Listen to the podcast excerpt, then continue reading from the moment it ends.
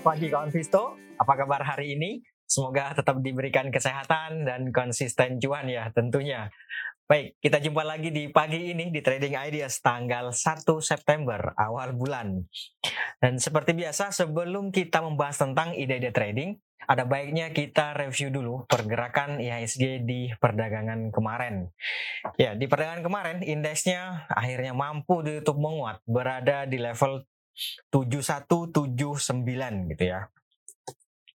Nah, kalau uh, itu dibulatkan kalau di apa pasnya 7178.59 itu. Nah, memang sih kalau melihat pergerakan uh, IHSG-nya sempat mengalami tekanan jual atau dibuka melemah di awal-awal perdagangan sampai ya kurang lebih di pertengahan sesi lah indeks masih mengalami tertekan. Pertengahan sesi pertama maksud saya. Akan tetapi di uh, pertengahan sesi kedua pertengahan sesi pertama uh, berikutnya yaitu dia muncul dorongan beli yang akhirnya pada akhirnya membawa uh, apa namanya indeks mengalami konsolidasi di sesi pertama gitu ya. Jadi secara keseluruhan di sesi pertama ini meskipun berada di teritori negatif, sebenarnya indeksnya uh, bergerak sideways. Jadi karena tekanan tekanan jual yang muncul di awal sesi perdagangan sudah cukup dalam sehingga uh, apa namanya praktis sebenarnya tidak membawa indeks bergerak lebih dalam lagi gitu ya. Nah, Berbeda dengan uh, sesi pertama, di sesi kedua indeksnya ternyata muncul perlawanan, yaitu dia uh, memang sempat bergerak melemah di awal-awal sesi kedua, akan tetapi di akhir-akhir sesi kedua dia muncul dorongan beli yang hingga akhirnya membawa indeks berada di teritori uh, positif. Jadi secara keseluruhan di sesi kedua ini dia bergerak cenderung menguat dan uh, apa keseluruhan pasar atau IHSG di perdagangan kemarin itu meskipun memang lebih banyak bergerak di teritori negatif akan tetapi kecenderungannya adalah kecenderungan menguat sebagaimana bisa dilihat di uh, gambar gitu ya. Nah, itu dia indeksnya. Nah, dari penguatan yang terjadi pada indeks saham-saham apa saja sih yang pada akhirnya mampu membawa indeks bergerak menguat itu? Yang pertama ada Bank BRI, kemudian ada Telkom, lalu ada Bank Mandiri, ada AMRT, dan terakhir ada Bank Mega. Itu dia lima besar saham yang pada akhirnya mampu membawa indeks menguat. Sementara lima besar saham yang mencoba untuk menghambat laju penguatan indeks, itu yang pertama ada Goto, kemarin uh, mengalami tekanan tampaknya minus sampai 6, 9 persen, 6,7 persen gitu ya. Kemudian berikutnya ada Indofood, lalu ada ICBP, kemudian ada eh, BRPT, dan terakhir ada TB. Itu dia lima besar saham yang mencoba untuk menghambat laju penguatan uh, indeks. Nah, bagaimana dengan transaksi asing? Oh ya, di perdagangan kemarin, asing sendiri mencatatkan net sell sebanyak 42 bio, itu di pasar secara keseluruhan. Tetapi kalau kita rinci, di pasar reguler sendiri, itu asingnya mencatatkan, justru mencatatkan net buy sebanyak 670 bio. Ini lumayan banyak sih. Cuman karena di pasar non regulernya atau di pasar negonya aslinya mencatatkan net sale sebanyak 713 713 bio, maka secara keseluruhan menjadi net sale 42 bio. Itu ya untuk uh, transaksi asing dari net buy asing kita bahas yang reguler ya. Dari net buy asing yang terjadi di uh, pasar reguler itu saham-saham apa saja sih sebenarnya yang mampu uh, yang banyak dibeli oleh asing? Yang pertama ada Bank BCA. Ya, Bank BCA kemarin uh, paling banyak dibeli oleh asing menduduki peringkat pertama Kemudian berikutnya ada Bank BNI, lalu ada Bank Mandiri, kemudian ada Astra Internasional dan terakhir ada Bank BRI. Itu dia lima besar saham yang banyak dibeli oleh asing. Empat di antaranya adalah saham-saham perbankan. Wah, keren banget. Kemudian berikutnya lima besar saham yang uh, banyak dijual oleh asing. Yang pertama ada Tebik, kemudian ada bumi, lalu ada PTBA, ada gudang garam atau uh, eh, GGRM, kemudian yang terakhir ada Mika. Itu dia lima besar saham yang banyak dijual oleh asing. Termasuk juga yang banyak dijual itu ya tadi. Goto itu termasuk salah satu yang banyak dijual oleh asing. ARB ya kemarin ya. Oke, itu dia untuk uh, transaksi asing. Bagaimana dengan outlook hari ini? Nah, oke, sekarang kita ke sini. Kalau pergerakan IHSG di perdaan kemarin, ya kan, ini kan tampaknya mencoba untuk bertahan di atas EMA 20 dan juga ya sebagaimana saya sampaikan sebelum-sebelumnya bahwa sampai dengan saat ini indeksnya masih melanjutkan konsolidasi. Memang spreadnya sih lebar ya di level sini nih 7060-an ya ya 7070 sampai 7210 eh sorry 7235 nih kawan sampai di sinilah gitu ya Nah, kalau melihat dorongan beli yang terjadi di akhir-akhir sesi uh, di sesi kedua kemarin, sebenarnya sih masih ada peluang untuk berlanjut menguat, gitu ya. Tetapi penguatannya tampaknya sudah mulai terbatas, gitu. Jadi saya pikir sih hari ini masih akan ada potensi untuk masih ada peluang untuk melanjutkan penguatannya, meskipun kurang lebih bisa jadi seperti kemarin, gitu ya. Uh, di awal perdagangan dia dibuka melemah terlebih dahulu, kemudian seiring dengan berjalannya waktu pelemahannya semakin menipis, bahkan tidak untuk kemungkinan seperti kemarin memasuki teritori uh, positif juga gitu ya. Jelas ada peluang untuk uh, kembali konsolidasi, melanjutkan konsolidasi dengan kecenderungan masih menguat terbatas. Penguatannya sudah terbatas tapi ya. Itu ring pergerakannya 7145 sampai dengan 7210 ya di level-level itu kawan. Masih di level itu. Itu ya untuk ISG-nya. Barangkali ada, sekarang kita ke ide trading. Barangkali ada uh, ide-ide saham, uh, ide-ide trading yang mau didiskusikan, boleh disampaikan. Nanti kita lihat bareng-bareng. Yang pertama, yang pertama ada Arto. Arto. Sebentar ya. Arto, Arto, Arto. Nah, ini dia Arto. Ya, Arto di perdana kemarin dia tampaknya bergerak rebound, ya, mencoba untuk bertahan di atas ini nih kawan. 81 berapa sih ini? 8160 ya, 8150, sorry. 8150 dan saya pikir ini memberikan peluang untuk berlanjut sih. Sebenarnya bisa saja ini spekulatif buy. Kalau spekulatif buy kan berarti dia di 8300 sampai 8425 lah di level-level itu gitu ya. Nanti target take profitnya di sini nih kawan, nggak usah jauh-jauh ini berapa nih? Sebentar. 8.900. 8.900 cukup nggak? Atau yang terdekat ada di 8.600 tuh. Jadi resistance level terdekatnya dibandingkan dengan uh, kalau melihat closing kemarin itu ada di 8.600, kemudian berikutnya ada di 8.900.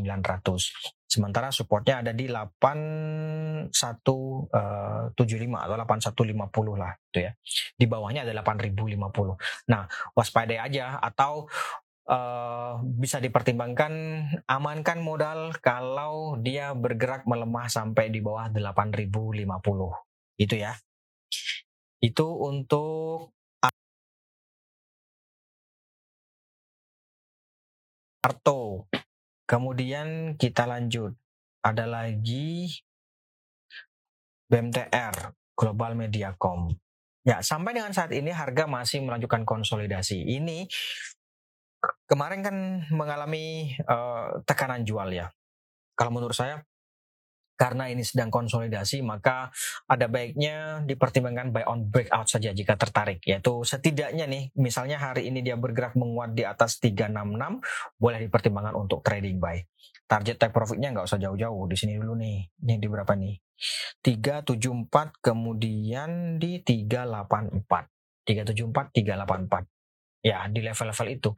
Kalau hari ini dia bergerak menguat di atas 366 bisa dipertimbangkan untuk trading buy targetnya 374 di atasnya 384 gitu ya. Support terdekatnya itu di sini nih kawan. Ini berapa ini? Uh, sebentar ya. 356. 356 lalu di bawahnya 346. Support uh, ya 356 346 gitu ya. Itu untuk BMTR buy on breakout ya kalau mau buy on saya lebih sukanya buy low sell high kayaknya mending beli di bawah ya. Boleh saja, itu tadi supportnya ya. Oke, itu BMTR. Kemudian kita lanjut. Ada lagi Bang, Bang Aladin nih ya. Nah, ini dia Bang Aladin. Ya, kalau melihat eh, pergerakan harga ini cenderungnya cenderung melemah. Ya, pelan sih, tapi dia cenderung melemah, gitu. Jadi menurut saya tunggu kalau tertarik dengan Bang Aladin ini ada baiknya dipertimbangkan uh, apa ada dua nih. Tuh, uh, saya view dulu untuk trading jangka pendek ya. Kalau untuk trading jangka pendek atau transaksi jangka pendek memanfaatkan fluktuasi harga ada baiknya buy on breakout di atas 1725 gitu ya 1725 tetapi kalau view-nya adalah short to medium ke atas menurut saya mending tunggu ketika dia mampu uh, apa namanya bergerak reversal atau muncul uh, setidaknya muncul indikasi terjadinya reversal lah. Sampai dengan saat ini kan masih belum ada nih kecenderungan melemah nih. Ini kalau saya tarik garis gini ya. Setidaknya uh, gini deh saya tarik garis deh. Nah, anggap begini deh. Nah, dengan demikian untuk view short to medium ke atas, ada baiknya dipertimbangkan di atas ini nih. Kalau terjadi reversal, gitu ya. Uh, ya di atas 2000 lah.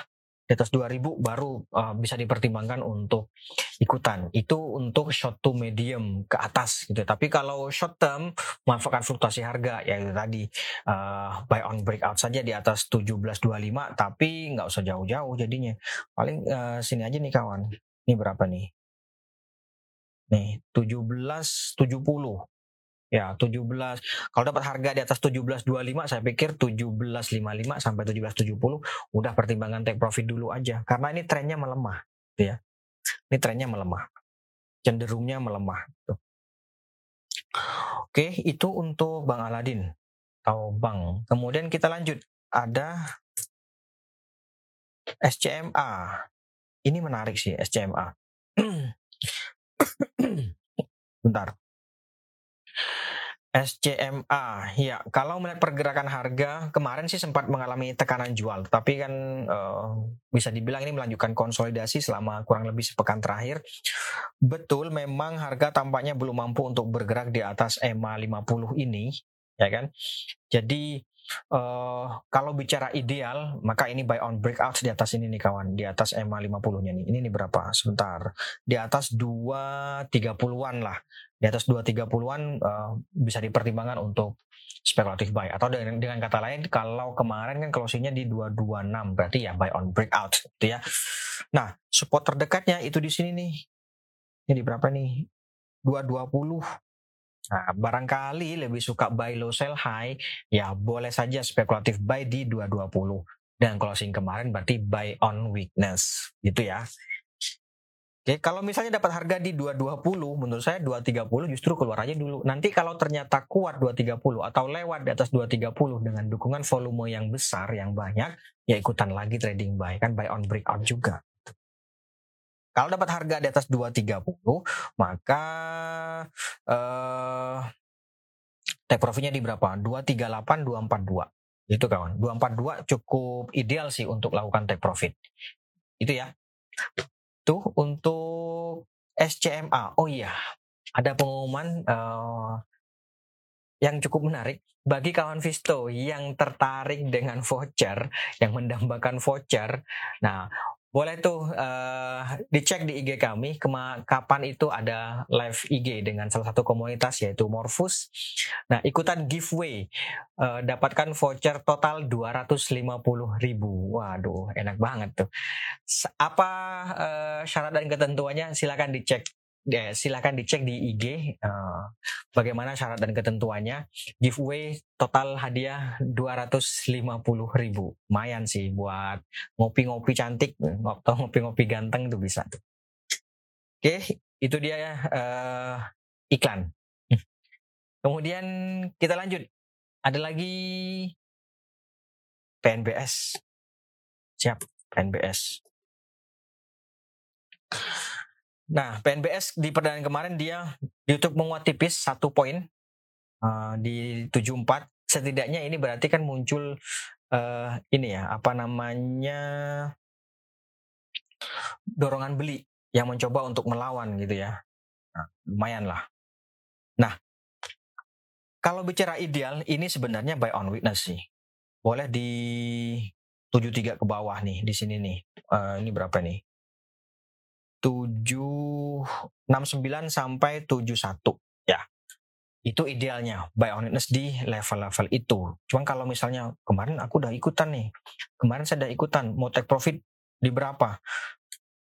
kalau dapat harga katakanlah di 73, 74 misalnya kemarin, ya 77 saya pikir cukup sih take profitnya gitu ya. Cuman ini uh, ada baiknya nggak usah nggak jangan ditinggal-tinggal gitu. Atau pasang aja di awal uh, pasang sekarang juga boleh gitu ya. Pasang jual di 77 gitu misalnya. Oke. Okay. Nah, penguatan di atas 77 itu peluangnya ke sini nih kawan. Nih, jadi dengan kata lain resistance levelnya dari closing kemarin itu berarti ada di 77 kemudian di atasnya ada 80 lalu 83 silakan main di level-level itu itu ya sementara supportnya ada di sini nih 71 kemudian eh, 69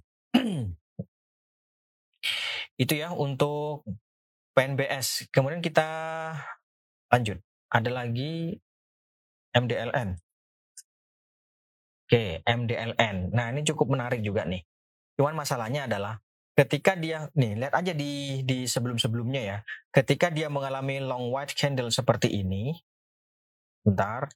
Ketika dia mengalami long white candle seperti ini, besoknya itu dia mengalami koreksi, ya kan?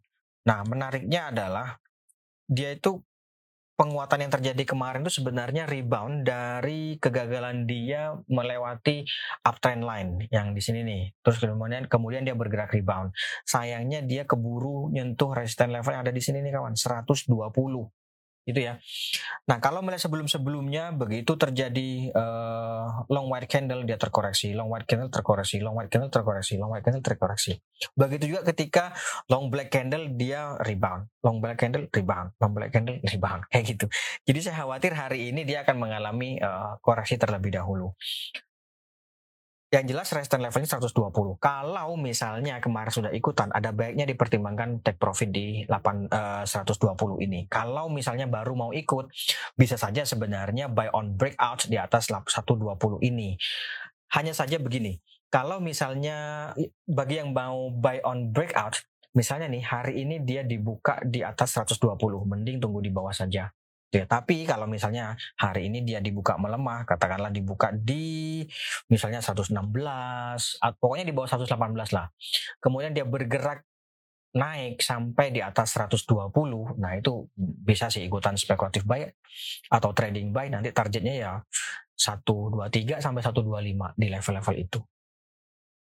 Itu ya kawan untuk modern land. Kemudian berikutnya ada PTDU. Nah, cukup menarik nih PTDU nih. Ya. Ya, kemarin uh, long white candle juga terbentuk. Kalau melihat sebelum-sebelumnya long white candle yang terjadi biasanya sih nggak hanya sekali ya, dua kali sih paling nggak gitu ya.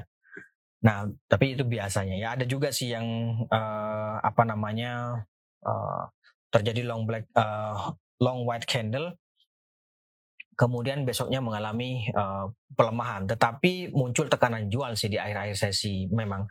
Nah kalau kemarin kan enggak nih, memang long white marubozu yang terbentuk, gitu ya.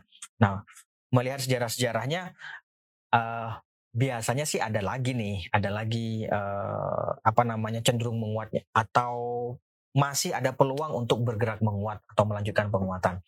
Hanya saja kembali lagi, kalau misalnya hari ini dia open gap, katakanlah dibuka di 100 misalnya, pokoknya di atas 92, uh, 3 poin di atas 92 misalnya, berarti kan di 95 gitu misalnya ya, di atas 95 dibukanya, saran saya sih mending tunggu di bawah aja sih, gitu, gitu ya. Atau uh, tunggu di bawah, jadi gini, misalnya nih dibukanya di katakanlah 96, tunggu aja di bawah dulu boleh di 92 atau di bawahnya gitu ya. Nah, misalnya nanti terjadi uh, pelemahan 92 kemudian di ini nggak bisa ditinggal sih memang nggak bisa ditinggal. Uh, apa namanya muncul kembali dorongan beli yang membawa harga kembali menguat di atas opening itu uh, ikutan trading buy boleh saja gitu ya. Ngerti ya maksud saya ya? Bagi yang nanya ini sih harusnya sudah paham sih pergerakannya uh, oh maksudnya begini oh yang saya oh yang tadi dibicarakan itu maksudnya begini nih gitu ya. Tapi kalau masih meraba-raba mending nggak usah deh. Maksudnya yang meraba-raba itu yang awal-awal ya yang masih yang masih baru masuk ke pasar gitu. Ini uji nyali sih. Kalau masuk ke sini baru pertama kali. Oke itu untuk PTDU kemudian berikutnya ada lagi ICBP ICBP. Ya, kemarin mengalami pelemahan cukup dalam sih memang karena uh, laporan keuangannya katanya buruk gitu ya. Nah, hmm, lihat hari ini, meskipun kemarin bergerak melemah, sebenarnya muncul dorongan beli yang mencoba untuk uh, menghambat laju uh, pelemahan. Ini dia kan, dia dibuka melemah, tapi kemudian muncul dorongan beli yang mencoba uh, menghambat gitu ya. Saya pikir ada baiknya kalau uh, mau ikutan atau tertarik, lihat hari ini apakah dia mampu bergerak di atas 8425. Bisa sih buy on breakout, boleh sih buy on breakout di atas itu, ya nanti nggak usah jauh-jauh sih. Kalau dapat harga di 8450 misalnya gitu ya. Saya pikir 8600 sudah bisa sih dipertimbangkan untuk take profit. 8600, 8650 gitu misalnya ya memang ada muncul uh, apa namanya gap down di sini ya yaitu di 8725 ya boleh saja tungguin di situ gitu ya. Jadi kalau misalnya hari ini dia bergerak menguat sampai di atas 8425 bisa dipertimbangkan untuk ikutan uh, spekulatif buy. Kalau enggak mending tunggu aja dulu gitu ya. Sampai nanti uh, muncul apa namanya dorongan beli yang relatif lebih menguasai jalannya harga atau pergerakan harga. Itu ICBP. Indofood kurang lebih sama sih Indofood.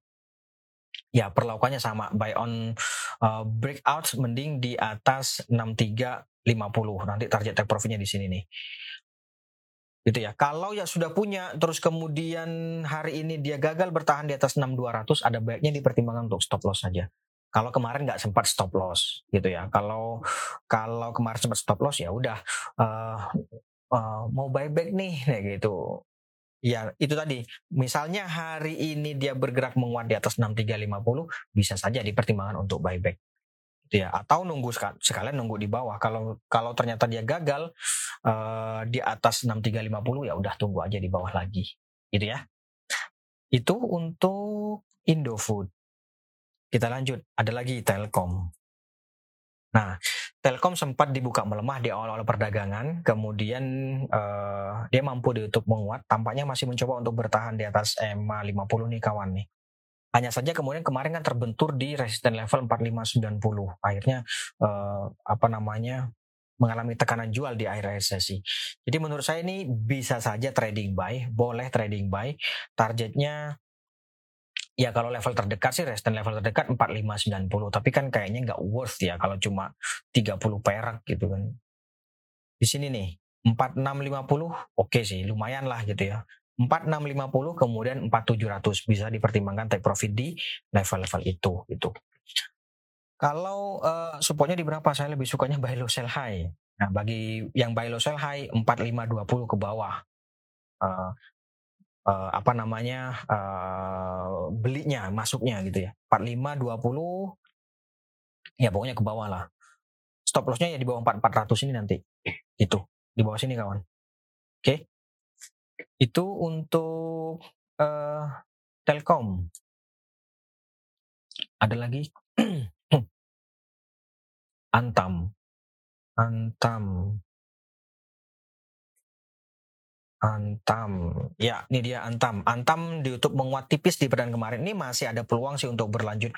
Ya, bisa saja ini spekulatif buy atau kalau mau buy on witness ya boleh juga 9 berapa ini? 19 1955 sampai 1985. Uh, ya buy on witness sih di level-level itu. Tapi spekulatif buy pun juga sudah boleh.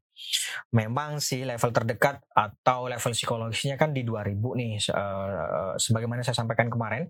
Uh, 2000 tapi kalau melihat volatilitas saya pikir boleh saja dipertimbangkan di 2030 sampai 2050 take profitnya di level-level itu. Itu ya. Itu untuk uh, Antam masih ada peluang untuk bergerak menguat spekulatif buy pun juga sudah boleh uh, masih uh, boleh target take profitnya ya tadi 2030 2050 gitu ya. Berikutnya ada BBHI oke agak cepat ya. BBHI kemarin konsolidasi tampaknya uh, harga masih cenderung uh, apa ya ya konsolidasi sih uh, bertemas masih berkelahi nih gitu ya, buyers dan sellersnya. Buy on breakouts di atas tiga empat ratus deh kalau gitu. Ya supportnya sih memang tiga tiga berapa nih? Tiga tiga tiga puluh. Kemarin tampaknya uh, apa namanya belum mampu juga sih untuk bertahan di atas tiga tiga delapan puluh ya di atas ini nih kawan. Nih Iya, menurut saya sih mending buy on breakout saja deh. Bagi yang baru mau masuk, buy on breakout di atas 3400. Bagi yang sudah punya, punyanya di harga berapa, punya uh, anggaplah closing kemarin gitu misalnya ya, 3360. Uh, menurut saya di hold aja dulu coba. Kalau misalnya hari ini dia gagal bertahan di atas 3300, ya nggak ada salahnya dipertimbangkan untuk amankan modal terlebih dahulu gitu ya. Oke nanti jualnya di berapa kalau dapat harga di 3360 gitu misalnya. Boleh uh, sini nih 3450 kemudian 3500 itu ya. Itu untuk BBHI energi ya energi di perdana kemarin mampu ditutup menguat. Spekulatif buy bisa saja spekulatif buy.